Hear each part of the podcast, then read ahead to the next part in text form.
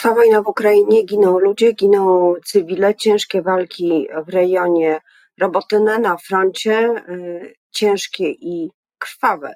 A na początek września zapowiedziano już oficjalnie spotkanie Władimira Putina z Recepem Erdoganem, przywódcą Turcji. Być może te rozmowy będą dotyczyły czegoś, co będzie miało wpływ także na sytuację na froncie. Ukraina cały czas pod ostrzałem rosyjskich rakiet, a ukraińskie drony cały czas próbują się przebić przez ochronę powietrzną Rosji. W Polsce kampania wyborcza na razie pod znakiem sondaży i różnych spekulacji oraz końcówki układania list wyborczych. W tle ustawy, których Sejm nie zdołał przyjąć, między innymi tak zwane Lex Czarnek 3.0. I między innymi o tym już za chwilę będę rozmawiała z moim gościem. Zuzanna Dąbrowska. Dzień dobry. Moim gościem jest posłanka Koalicji Obywatelskiej Urszula Augustyn, była wiceminister zdrowia, przepraszam, była wiceminister edukacji, dlatego właśnie, dlatego właśnie e, zapowiedziałam temat Lex Czarnek. Pani poseł, bo e, coś się e, chyba wydarzyło z tak zwanym timingiem przyjmowania tej ustawy, coś, co jest niepomyślne raczej dla ministra edukacji ponieważ e, projekt jest w Senacie, nic nie wskazuje na to, by miał szybko do Sejmu powrócić. Dzień dobry pani redaktor, dzień dobry państwu. Mm, ja w ogóle mam wrażenie, że PiS jest zaskoczony tym, że ma Senat, że w ogóle Senat w Polsce funkcjonuje. Proszę zobaczyć, ostatnie posiedzenie Sejmu lipcowe było właściwie posiedzeniem pożegnalnym. Na tym posiedzeniu pani marszałek poszła jednak po rozum do głowy i zdecydowała, że skoro jednak Senat się jeszcze zbiera, to trzeba zrobić dodatkowe posiedzenie Sejmu. E, I wszystko wskazuje na to, że jeszcze jakieś posiedzenie Sejmu będzie, chociaż nikt o tym naprawdę na razie nie wie. Co dla mnie zaskakujące, to zaskoczony jest także sam PiS, który, pani Maszek, która organizuje te mm, posiedzenia. Senat zbiera się w najbliższym czasie i faktycznie nie będzie się zajmował, przynajmniej z tego co wiemy, Alex Czarnek, e, ale to nie oznacza, że nie będzie się zajmował w ogóle gdyby Senat nie naruszył tej ustawy, gdyby o niej nie rozmawiał, to ona przeszłaby po prostu do porządku prawnego. Tymczasem Senat chyba nie zamierza zostawić takiego strasznego bubla i, i tej ustawy nie dotykać. Więc myślę, że jeszcze w trakcie kampanii wyborczej, jeszcze we wrześniu, senatorowie z Komisji Edukacji będą o tej ustawie rozmawiali. A to oznacza, że pewnie jeszcze Sejm się zbierze. Czyli e, z powodu Lex Czarnek 3.0 może być dodatkowe posiedzenie Sejmu we wrześniu, jeszcze może, przed wyborami? Być może. No wystarczy, że posłowie z, y, przepraszam, senatorowie z Komisji Edukacji zbiorą się i e, Senat uzna, że y, wetuje tę ustawę. W związku z tym y, Sejm powinien się zebrać. Dlaczego ta ustawa jest taka zła, jak e, pani mówi? Wiem, że e, opozycja wiesza psy na tym projekcie. E, przypomnijmy, jest to projekt obywatelski, który został zapowiedziany przez ministra edukacji natychmiast po tym, kiedy prezydent zawetował Lex Czarnek 2.0, czyli drugą próbę wprowadzenia. No właśnie, czego, jak można w skrócie istotę tego projektu oddać? Jeśli pani pozwoli, ja jednak się tutaj y, tego, tej obywatelskości tego projektu e, przyczepię, no nieładne słowo, ale to zawsze tak jest. Przez dwie kadencje y, PiSu w Sejmie wszystkie projekty były albo obywatelskie, albo poselskie. Najczęściej poselskie. I potem się okazywało, że poseł, który prowadzi ten projekt, nie ma zielonego pojęcia o tym, co w środku jest napisane. A więc projekty powstawały w ministerstwach, pracowali y, nad tymi projektami urzędnicy, a potem one z różnymi takimi dziwnymi formułami trafiały do Sejmu, właśnie po to, żeby nie robić konsultacji, żeby się nie musiały wypowiadać organizacje, żeby nie tracić czasu. No to, to jest wszystko właśnie praca e, PiSu. Wieczorem projekt trafia, następnego dnia rano już jest e, uchwalony. E, to jest praktyka legislacyjna koszmarna. I tak samo jest z Lex Czarnek, pani redaktor sama powiedziała 3.0. To jest trzecie podejście do tego projektu. Generalnie rzecz biorąc, projektu, który mm, mówi o tym, że organizacje pozarządowe trzeba w ogóle ze szkoły wyrzucić. Szkoła powinna być zamknięta, szkoła powinna realizować tylko te zadania, które zleca jej ministerstwo, pod światłym nadzorem kuratora edukacji. Natomiast ani rodzice, ani nauczyciela, szczególnie organizacje pozarządowe, co do których no wiemy, że zajmują się tysiącem fantastycznych rzeczy i potrafią faktycznie wesprzeć nauczycieli wtedy, kiedy mm, jest taka potrzeba, no to one wszystkie mają być wyrzucone ze szkoły. Oj, z jednym wyjątkiem, z wyjątkiem tych organizacji, które mają patronat pana prezydenta. Więc tylko te organizacje, bardzo tak, ale... nieliczne, mogą do szkoły wchodzić. Ale ten projekt, dla uproszczenia nazywajmy go rzeczywiście 3.0, różni się jednak od tego, co chciał przeforsować minister, przede wszystkim rolą kuratora i, uznaniem ostatecznej instancji i decyzji, którą ma wydać kurator, lub nie ma. To może lepiej, wersja bardziej łagodna. Ale w tym projekcie pojawia się takie określenie seksualizacja dzieci, które jest kompletnie niezdefiniowane i tak naprawdę trudno powiedzieć, co rządzący chcieliby sobie w tym miejscu wpisać, bo można tutaj podciągać naprawdę e, wszystko, co tylko do głowy im wpadnie. A rola kuratora została złagodzona o tyle, że w poprzednich dwóch wersjach ostateczną decyzję podejmował kurator czy y, daną organizację pozarządową można wpuścić do szkoły, czy nie można, czy ludzie z tej organizacji mogliby nauczycieli wspomóc, czy nie, to decyzje podejmowali nie rodzice, ale właśnie ostateczna decyzja była w rękach kuratora. E, nawet ja chcę stanowisku Rady Rodziców, prawda? To znaczy, tak, tu nawet... mógł być rozdźwięk i to stanowisko rodziców nie było nawet wskazaniem dla kuratora. Tak, więc y, trochę się to kłóci, albo właściwie bardzo się to kłóci z tym poglądem PiSu, że wszystko oddają w ręce rodziców. No nie. Do tej pory jest tak, że to Rada Rodziców musi wyrazić swoją zgodę na to, co w szkole się dzieje. Wszystkie programy, wszystkie akcje są przez Radę Rodziców um, opiniowane. On, z tą opinią musi się liczyć dyrektor szkoły, nauczyciele, Rada Pedagogiczna.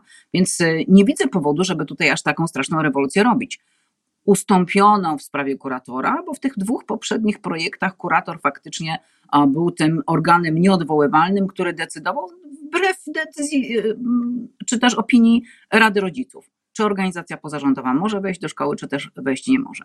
A tutaj w tym projekcie 3.0 cała energia PiSu skupia się na tej seksualizacji. Starają się tutaj wymyślić coś, co e, jest takie straszne dla rodziców i chcę powiedzieć, że to miałoby obowiązywać w szkołach podstawowych, a więc e, do momentu, kiedy młody człowiek, przypomnę, że teraz szkoła podstawowa ma 8 klas, tak?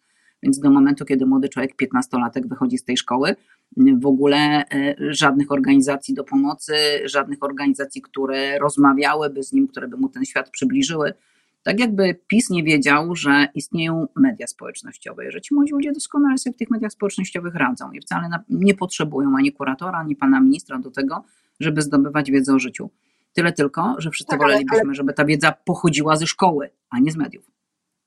Problem jest także z długością tego postępowania, bo często jest tak, że organizacje, w tym organizacje medyczne i pomocy psychologicznej, są zapraszane do szkół także przez samych rodziców, ale i przez nauczycieli, dyrektorów, kiedy coś złego się stało, na przykład samobójstwo kolegi czy koleżanki, na przykład jakiś wypadek, krótko mówiąc, wydarzenia, które niosą ze sobą traumę i wtedy jest potrzeba no, takiej pomocy, szybkiej interwencji psychologicznej, psychiatrycznej, czasem nawet po prostu wprost medycznej natychmiast. Czy ten projekt zmienia sytuację w tym zakresie? Zdecydowanie nie, ponieważ ta procedura, cała ta papierologia, to wszystko jest niestety bardzo, bardzo, bardzo e, długotrwające. E, w ogóle ten projekt jest e, nikomu do szczęścia niepotrzebny, więc ja naprawdę nie płakałabym, gdyby się okazało, że szczęśliwie nie uda się go wprowadzić w życie. To byłoby naprawdę najlepsze rozwiązanie. To jest po prostu bubel. Państwo za bardzo wchodzi w tę sferę nauczyciel, w tę relację nauczyciel, rodzic, uczeń. Y, nie ufa nauczycielom, nie ufa dyrektorom szkół, próbuje tutaj narzucić własną opinię, własne zdanie, własne decyzje. Y, I jeszcze raz podkreślę, to się kompletnie kłóci z tym, co oni mówią, ponieważ generalnie politycy PiSu mówią, czy próbują nam wmówić, że tutaj decyzja leży po stronie rodziców. No nieprawda. To nauczyciel, dyrektor szkoły, rodzic i uczeń to są te Y, gremia, które powinny decydować o tym, co się w szkole na co dzień dzieje. Tylko trzeba im dać odrobinę zaufania. Nauczyciele traktowani są jak piąte koło uwozu. Nikt nie z rządzących nie pamięta o tym, że to są ludzie, którzy mają własne rodziny, którzy potrzebują e, pewnego komfortu pracy, a na pewno dobrego wynagrodzenia. Nauczycieli się po prostu nie szanuje. Tak samo jak nie szanuje się i nie wierzy się rodzicom. No, kto powinien decydować o wychowaniu dziecka? Przede wszystkim rodzic. To jest jego kompetencja. Rodzic w połączeniu ze szkołą, w dobrej współpracy, a nie z toną papierów, która to tona papierów ma zastąpić ten organ nadzorczy, czyli państwo i kuratorium. Pani poseł, czy to, co Pani mówi, znajdzie wyraz e, w jakimś programie e, Platformy Obywatelskiej skierowanym do środowiska nauczycielskiego, czy szerzej edukacyjnego, oświatowego? E, w 2019 roku duży program Platformy został, został opublikowany. E, w różnych formach i, i drukiem, i w internecie. Nie znalazłam oprócz kilku spotkań z wyborcami, także ze środowiskiem nauczycielskim, e, żadnego spisanego, jasno, jasno przedstawionego programu oświatowego w tej kampanii. Niepotrzebne? Redaktor, oczywiście, że potrzebny, bardzo potrzebny, ale proszę zobaczyć, od tego, co proponowaliśmy w 2019 roku, niewiele się zmieniło, a już na pewno nic się nie zmieniło na lepsze, jeśli chodzi o edukację. Więc ten nasz program jest absolutnie aktualny. Jeśli mówimy o tym, i przed chwilą też to wybrzmiało, że decyzje o tym, jak ma być zorganizowana szkoła i co w niej powinno się dziać, powinny leżeć właśnie najbliżej ucznia, czyli między e, nauczycielami, radą pedagogiczną, dyrektorem szkoły i rodzicami, to y, absolutnie to jest aktualne. To, co się dzieje dzisiaj w szkole, to jest ten koszmarny, chorobliwy, powiedziałabym, brak zaufania. To jest to mieszanie się państwa we wszystko. To są te narzucane, bzdurne naprawdę podręczniki z tyloma błędami, z taką złą ideą. Mówię o tym przedmiocie HIT, który przez wszystkich był już obśmiany. I proszę zobaczyć, to mądrzy nauczyciele i rodzice starają się jak najbardziej od tego uciekać. A więc wiedzą, co tak, ale, lepsze jest dla dzieci. Ale pani poseł, drugi, drugi tom hitu e, znajduje się na centralnym miejscu, na postumencie, niemalże na ołtarzyku, na każdej poczcie. Więc bardzo trudno uciec przed takim podręcznikiem. Tak, to, to, jest, y, to jest ten sposób dystrybuowania, tak? Są takie instytucje, które po prostu mają za zadanie i to robią i, i, i tym podręcznikiem we wszystkich, wszystkich atakują. Ale mądrzy nauczyciele, proszę zobaczyć, nie wybierali tego podręcznika. Więc nauczycielowi trzeba dać e, pewien e, mandat zaufania. No, od tego jest wychowawcą naszych dzieci, nauczycielem naszych dzieci i od tego ma najbliższy kontakt z rodzicami, od tego tworzy się e, grona e, pedagogiczne, rady pedagogiczne i rady rodziców, żeby to oni współpracowali ze sobą. I naprawdę nie widzę powodu, żeby w takich detalach państwo wchodziło w sferę edukacji. Państwo powinno stworzyć warunki i ramy, a wszystko resztę powinno być wypełnione najbliżej ucznia. Mamy organy nadzorcze, organy prowadzące, które borykają się z tysiącem problemów, i mamy rodziców, którzy też borykają się z tysiącem problemów wczorajsza moja rozmowa z jedną z moich koleżanek, która ma córkę w drugiej klasie liceum, teraz y, zdała do drugiej klasy liceum, będzie do, do, niej chodzić. I matka przychodzi i pokazuje paragon y, opiewający na kwotę 850 zł. Y, I mówi, to, są, to jest mój paragon za, po wyjściu z księgarni. Brakuje mi jeszcze książek językowych, które jak wiadomo do nauki języka podręczniki są zawsze drogie. Więc rozumiem, że 1000 zł to jest mało na wyposażenie ucznia e, drugiej klasy liceum. Sądzę, że w innych klasach jest podobnie. I teraz, jak ktoś się tutaj chwali, że daje 300 zł wyprawki, a ja przypomnę, że mieliśmy taki program, że podręczniki były za darmo i one szły, e, myśmy wprowadzili do końca gimnazjum, czyli do, do dzisiejszej pierwszej klasy liceum. Można to było kontynuować. To ta współpraca z wydawnictwami owocowała tym, że podręczniki miały zdecydowanie niższą cenę nie ma powodu, żebyśmy wracali dzisiaj znowu do tak wysokich cen e, podręczników. Przypomnę, druga klasa, komplet podręczników ponad 1000 zł. To są naprawdę koszmarne pieniądze. Więc e, trudno mi, patrząc na te minione 8 lat, powiedzieć, co się na dobre, na korzyść ucznia, na korzyść rodzica czy na korzyść nauczyciela zmieniło w szkole. Trudno mi o tym dzisiaj mówić, bo takiego czegoś nie ma.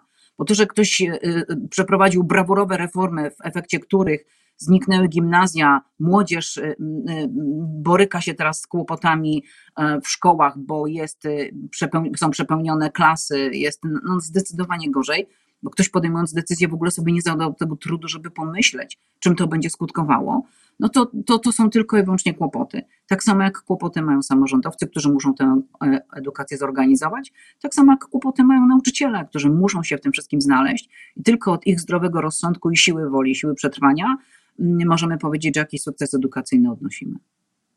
Pani poseł, pytałam o ten e, program e, oświatowy Platformy Obywatelskiej, także dlatego, że teraz e, listy Koalicji Obywatelskiej zostały zasilone poważną siłą fachową, czyli byłem wicepremierem i ministrem edukacji, który wprowadzał mundurki. Z ostatniego miejsca ma startować w Kielcach Roman Giertych. Uważa Pani, że to dla tematyki oświatowej będzie wzmocnienie? Ja mam nadzieję, że pan Giertych się tak poparzył już na edukacji i tyle różnych złych rzeczy tam narobił, że już się więcej za tę edukację nie będzie brał, czego mu życzę z całego serca. Natomiast e, są też na naszych listach nauczyciele i to jest bardzo dobre. E, są społecznicy, są przedsiębiorcy, są bardzo różni ludzie i e, żeby trzymać się tematu edukacji. No, jeśli nie będzie dialogu, to nie będzie niczego, tak? Tylko w dialogu, we wspólnym konsensusie, w szukaniu tego konsensusu możemy zrobić coś dobrego. Szkoła jest dzisiaj przeciążona. E, szkole nie potrzeba polityków, wręcz przeciwnie. To wszystko jest w tym naszym programie napisanym w 2019 roku, kiedy mówimy, że podstawa programowa powinna być tworzona poza politykami że politycy y, zgodnie ze swoim, swoją kadencyjnością nie powinni mieszać paluchami w tym, czego się uczą dzieci w szkole, że to trzeba zostawić specjalistom. I tych specjalistów dookoła jest. Są działacze e, organizacji pozarządowych, które zajmują się edukacją, są na naszych listach, więc są specjaliści. To, to jest aktualne. Aktualne jest także to, o czym mówiliśmy, że szkołę trzeba delikatnie przeorganizować, ale nie można tego robić na hura, nie można tego robić szybko, bo szkoła już żadnej rewolucji nie wytrzyma. I bardzo ważna rzecz, o której mówi Donald Tusk na wielu swoich spotkaniach, jeśli nie na wszystkich, bo wszyscy o tę edukację pytają. 20% podwyżki dla e, nauczycieli od zaraz. Jakby te małe kroki pozbierać w jeden program, to one by pokazały politycy, e, niech się zajmują polityką, niech tworzą ramy, a nie wkładają paluchów w bieżące życie szkoły. Oni mają tylko stworzyć warunki. Samorządom mają zorganizować pieniądze, nie odbierać im te dochody, które samorządy mają i mogłyby na edukację przeznaczyć. Więc e, i mówię pewnie chaotycznie, ale dlatego, że o edukacji można mówić godzinami i można mówić bardzo, w, jak gdyby czego by się nie dotknąć, to to, to, to wymaga jakiejś wymaga naprawy. Poprawy. Wymaga Pani poseł, poprawy. ale to ja jeszcze, jeszcze na chwilę muszę wrócić do, do Romana Giertycha, bo y, chciałabym wyjaśnić, ponieważ y, podobno jako zgłoszony przez Donalda Tuska podczas e, konferencji w Sopocie e, kandydat Koalicji Obywatelskiej na tym dziesiątym miejscu, dostał też pewne ultimatum, że oto do środy ma się opowiedzieć w sprawie swojego stosunku do aborcji. No bo przecież ten sam Donald Tusk mówił już ponad rok temu, że, że nikt, kto nie opowiada się za liberalizacją tego E, prawa nie znajdzie się na listach e, Koalicji Obywatelskiej. Więc jak będzie? Pytam Panią też jako posłankę kobietę, która też z, z tą tematyką ma, ma wiele do czynienia. E, kto postawił ultimatum i czy Pani zdaniem ono będzie spełnione? Jeśli Donald Tusk zgłosił Romana Giertycha, to pewnie Donald Tusk stawiał to ultimatum. Trudno mi o tym powiedzieć coś więcej, ponieważ to jakby nie moja działka. Ja się, ja, ja się tymi rozmowa, rozmowami pomiędzy panami e, nie zajmowałam. Natomiast z całą pewnością Zarząd Krajowy wyrazi swoją opinię na ten temat, ponieważ wszelkie zmiany, które zachodzą na listach, zachodzą właśnie w konsensusie, więc Zarząd Krajowy też na ten temat się wypowie. Natomiast jeśli chodzi o liberalizację ustawy aborcyjnej, no tak, e, to było zobowiązanie koalicji obywatelskiej, chociaż ta liberalizacja też może mieć różne granice, ale co do tego nie ma żadnych wątpliwości, że ten stan, który jest dzisiaj, jest nie do zaakceptowania przez nikogo, nawet przez tych, którzy mają najbardziej konserwatywne poglądy. Jest nie do przyjęcia. A Jana Szostak, aktywistka feministyczna polsko-białoruska, która opowiada się za dostępnością, za możliwością przerywania ciąży przez cały okres jej trwania, tę granicę przekroczyła? Sądząc po efektach, tak. Ja też jestem tego zdania, że jednak jakieś granice są. Więc liberalizacja tak, ale chyba nie na, na zasadzie mm, hulaj dusza piekła nie ma.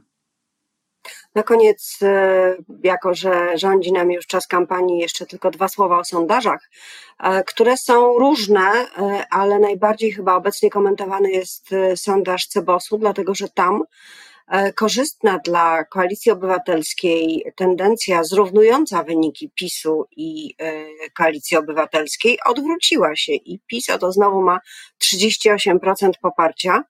E, te nożyce się rozwarły. Jak pani sądzi, z czego to może wynikać? Wiem, że jeden sondaż niczego nie zmieni, ale wtedy, miesiąc temu, ten jeden sondaż bardzo poprawił nastroje wśród opozycji. No tak, ale te głosy, które dziś w sondażu są e, głosami przepływającymi do PiSu, zapewne są zabrane z Konfederacji. Proszę zobaczyć, tam w tym sondażu Konfederacja traci swoje punkty. E, pani redaktor, kampania rządzi się swoimi prawami. Jest jej jeszcze kilka tygodni. Ja jestem przekonana, że e, będzie dużo emocji w tej kampanii, że będzie dużo zmian i że to nie pierwszy, nie ostatni sondaż, który nas zdziwił, i te sondaże będą jeszcze różne, ale też będą różne wydarzenia w trakcie tej kampanii, bo proszę zobaczyć, nie ma takiego dnia, który by nie przynosił jakieś informacje o tym, e, co odkryto w działaniach PiSu. E, ja wierzę w to, że ta szklana ściana akceptacji dla tego, co PiS robi w ich elektoracie, też pęknie. To jest niemożliwe. No proszę zobaczyć, niczego się nie są w stanie nauczyć na własnych błędach. Nie wyciągają wniosków. Więc e, musi na, nastąpić taki moment. Ja naprawdę głęboko wierzę w rozsądek wyborców, że ten moment nastąpi jeszcze w trakcie kampanii, w momencie wyborów, że ludzie powiedzą dość tego. E, no, my też nie mamy związanych rąk, więc też opozycja będzie działać. Mam nadzieję, że będzie działać wspólnie, że mimo, że są różne listy wyborcze, że to działanie mm, będzie miało charakter taki koalicyjny, no bo na miły Bóg jesteśmy po to, żeby stworzyć opozycję do PiSu, a nie opozycję do siebie nawzajem. Więc e, naprawdę wierzę w to, że kampania wyborcza te najbliższe dni, tygodnie przyniesie jeszcze e, takie działania, które spowodują, że ludzie e, będą zmieniali swoje podejście do rządzących. Pani poseł, na koniec wizytówka wyborcza, y, ponieważ y, kampania to zawsze podajemy numer okręgu, z którego y, startuje rozmówca. Bardzo proszę. Urszula Augustyn. Bardzo. Ja jestem Małopolanką, Tarnowianką z urodzenia i reprezentuję okręg 15. Jestem liderką tego okręgu. Bardzo dziękuję za przypomnienie tego faktu wyborcom. Państwu życzę miłego dnia i pani minister też. Do zobaczenia. Dziękuję bardzo. Spokojnego dnia.